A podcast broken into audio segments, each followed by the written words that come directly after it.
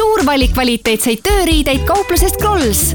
Tallinnas Peterburi tee seitsekümmend viis. krolls.ee Kuku Raadios välja öeldud seisukohad ei pea ühtima Kuku Raadio seisukohtadega. Te kuulate Kuku Raadiot.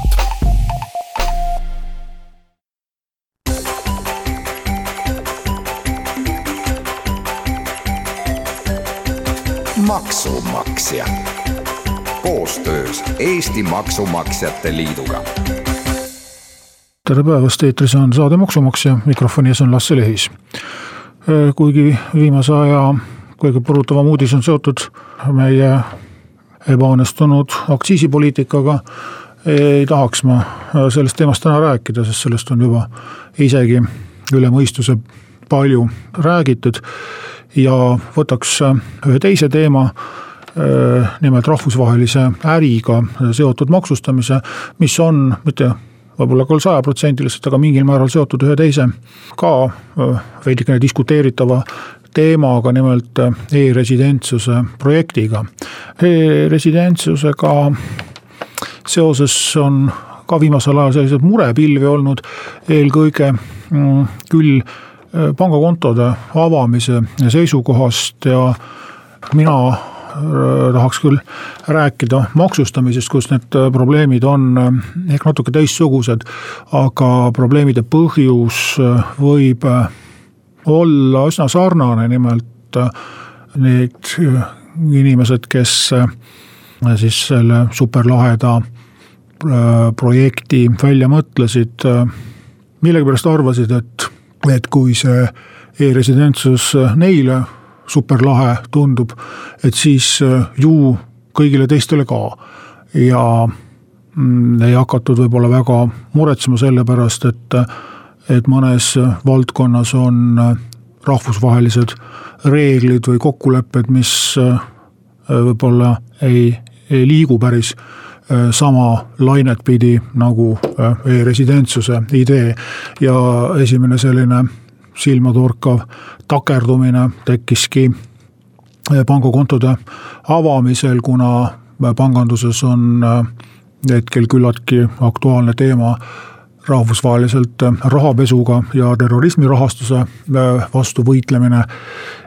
mistõttu e-residentsus on ilmselgelt riskigrupp, ehk siis kui tekitatakse omale selline globaalne võrgustik, kus inimene elades ühes maailmanurgas, kasutab oma asjade ajamiseks juriidilist isikut, mis on hoopis teises maailmanurgas, siis see võib mõne jaoks tunduda äge, aga paljude jaoks pigem kahtlane, kus siis otsitakse mingit tagamõtet, milleks selline varjamine, miks siis oma riigi asjaajamine ei meeldi tihti loomulikult on sellel muud põhjused, aga on selge, et Eesti pangandusel, Eesti pankadel ei ole mitte mingit kohustust võetud, et nemad peaksid nüüd e-residente kuidagi sooduskorras kohtlema. Nende jaoks on tegemist tavalise välismaalasega, kelle suhtes tuleb rakendada kõiki neid hoolsusmeetmeid ja kontrollida nende seotust Eestiga, kui Eestiga seotust ei ole, siis äh, ka pangakonto avamine ei ole vajalik. samas ega nendel e-residentidel asutatud Eesti mm, firmadel ei peagi ilmtingimata pangakonto Eestis olema.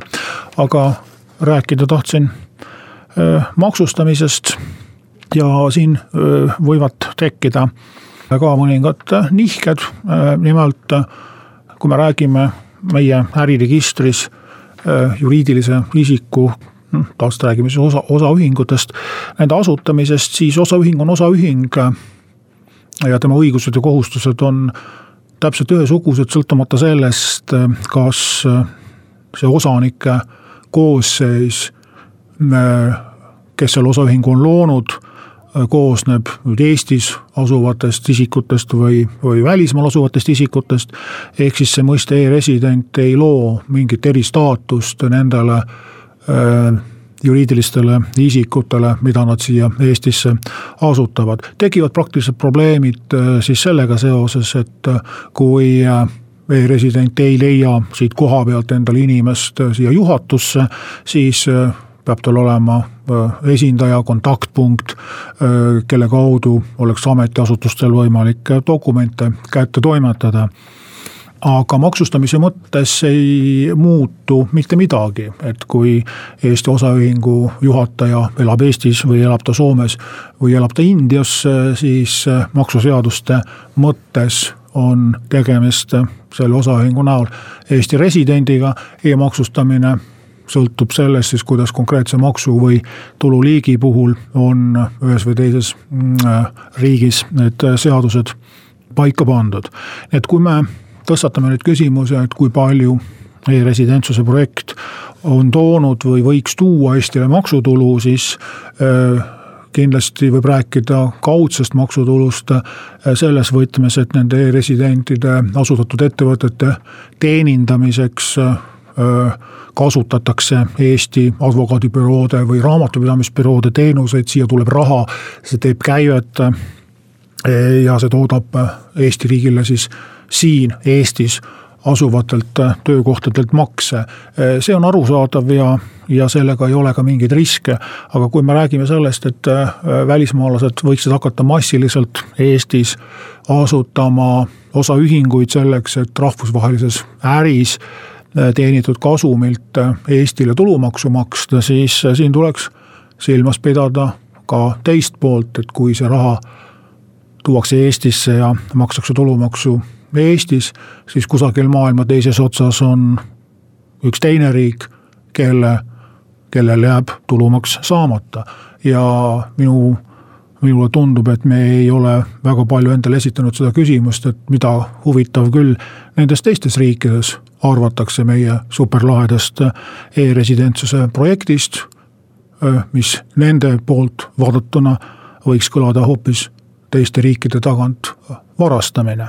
ma arvan, et sellega võiks rohkem arvestada, et mingil hetkel tõesti meie riik on väike ja ega neid e-residente ka ülemäära palju ei ole ja ilmselt seda raha siia kantimist ei ole veel märgatud ja seda ei peeta probleemiks, aga kui tõesti väga mastaapselt meie projekt tuure kogub, siis võidakse mingi hetkel kuskil äh, tippkohtumisel meile vaikselt õlale koputada ja juhtida tähelepanu, et see ei ole ehk sõbralike riikide suhtes kõige viisakam tegevus, mida me harrastame. aga lähme äh, siis üksikute konkreetsete näidete juurde, milliseid praktilisi probleeme võib tekkida mitte ainult e-residentidel, vaid üldse äh, mitmes riigis äri ajavatel ärimeestel.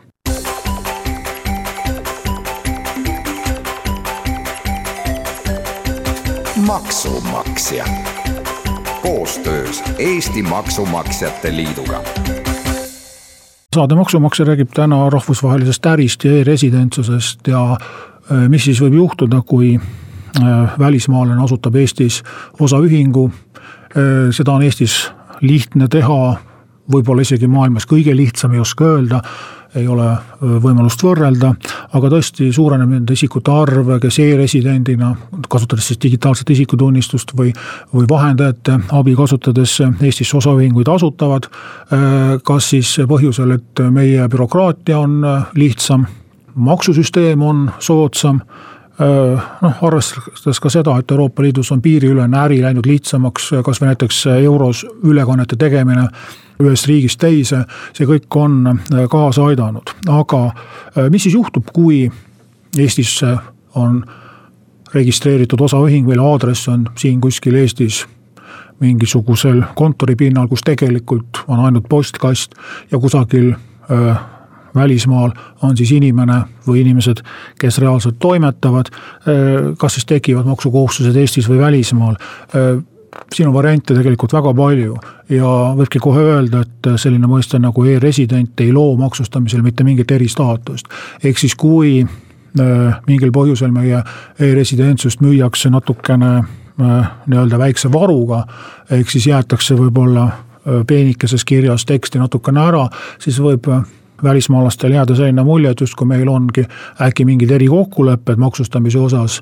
et äh, maksukohustused seoses e-residentsusega kolivad äh, välismaalt Eestisse üle. Äh, mitte mingeid selliseid kokkuleppeid ei ole ja ilmselt ka ei tule, sellepärast et ma ei kujuta ette, et ükski riik sellega oleks nõus kaasa tulema.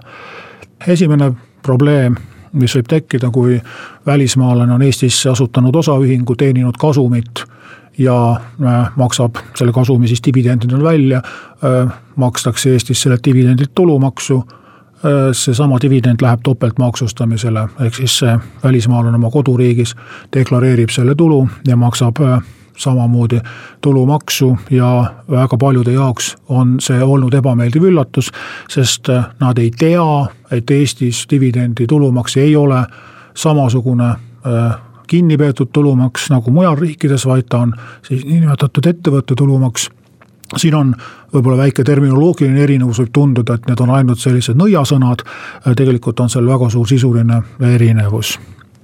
ehk siis meie maksusüsteemi eeliseid, ehk siis äh, kasumi maksuvabastus seda eelist saab ära kasutada paljudel juhtudel välismaalane ainult äh, siis, kui ta ka reaalselt füüsiliselt Eestisse elama kolib, ehk siis muutub nii-öelda päris Eesti maksuresidendiks. väga suur osa soomlasi on sellele matsule pihta saanud ja endale Eestisse kinnisvara soetanud just eesmärgil siia ka omale elukoht tekitada, et äh, Soome maksusüsteemi haardest lõplikult pääseda.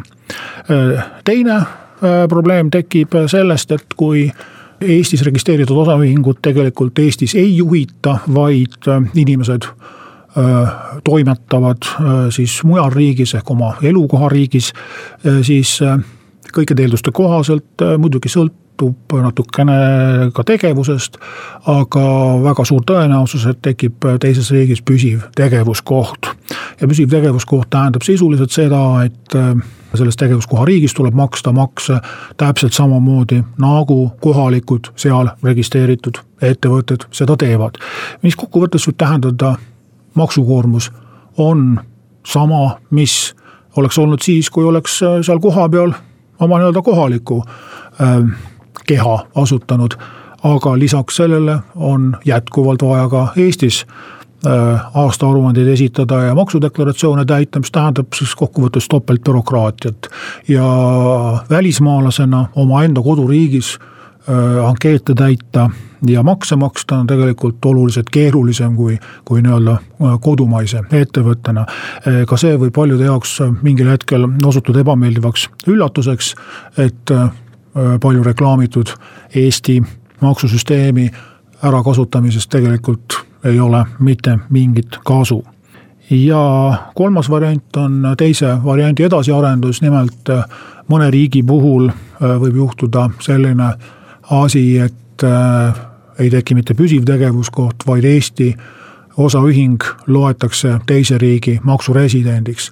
ja tekib selline olukord, mida nimetatakse äh, topeltresidentsuseks, kus siis tuleb täismahus bürokraatiat ja maksuarvestust pidada kahes riigis korraga.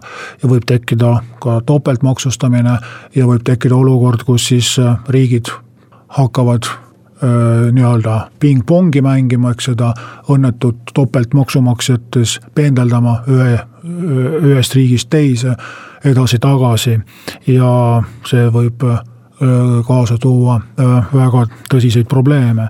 nagu ma ütlesin, see sõltub väga palju ka tegevuse iseloomust ja eelistatud on kindlasti äh, nii-öelda nomaadid, kes Äh, liiguvad väga palju maailmas ringi, kellel võib-olla püsivat elukohta ei ole ja kes teevadki väga mastaapselt rahvusvahelist äri, ehk ei ole ühegi kindla asukohaga seotud, võib-olla ongi sülearvuti see nende tegevuskoht, mis nendega kaasas käib eelkõige siis kõikvõimalikke virtuaalmaailma äriteenuseid pean silmas, siis eh, nende puhul on tõesti eh, reaalne, et maksukohustused tekivad ainult Eestis ja teised riigid neid ei kimbuta. aga siit edasi võib asi minna jällegi probleemseks, et kui nüüd inimene liigub mööda maailma ringi ja jõuab järeldusele, et Eesti on ainus riik, kes teda maksustada saab, siis mingi hetk tekkida kiusatus ka Eesti riik nendest maksudest ilma jätta. sest kui meie resident tiirleb mööda maailma ringi ja Eestis on tal ainult postkast ja pangaarve on kuskil jumal teab kus maailma riigis, kust äh, ei saa võib-olla infotki kätte, siis äh, ega tegelikult ei olegi meie maksuametil eriti võimalusi minna neid makse koguma, kui meil ei ole isegi infot, kui palju tulusid on teenitud.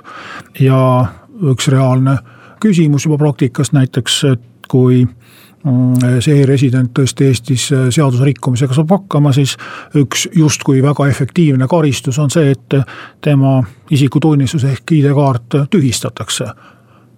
aga kui nüüd mõtlema hakata, siis kellele see karistus on, kui me selle nomaadi isikutunnistuse tühistame, siis Eestis ta ju füüsiliselt ei asu ehk siis me kaotame ära igasuguse kontakti selle inimesega ja vähimagi lootuse äh, temalt veel midagi kätte saada, mis ta Eesti riigile äh, justkui võlgu on. ehk siis sisuliselt äh, tekib õiguslikus mõttes sama olukord, mis nii-öelda tavainimeste puhul, kui nad ära surevad. ehk siis tuleb hakata sellele ripakile jäänud varale hooldajaid määrama ja seda vilabe alla olevat vara maailma pealt üles otsima, mis tähendab võlausaldajate jaoks palju suuremaid riske ohtu oma rahast ilma jääda ja mm, ka suuremaid väljaminekuid Eesti õigussüsteemile. mis kokkuvõttes võib tähendada seda, et e-residentsuse puhul võib juhtuda sama asi, mis paljude muude avaliku sektori erasektori koostööprojektide puhul, kus siis kasum jääb erasektorile ja kulud jäävad avalikule sektorile ehk maksumaksja kanda. tahaks väga loota, et eh, nii ei juhtu ja selleks, et nii ei juhtuks, tuleb natukene tõsisemalt neid riske hinnata ja mitte ülemäära optimistlikult seda toodet reklaamida, oleks minu arvamus sellel teemal. tänan teid kuulamast, kohtume taas nädala pärast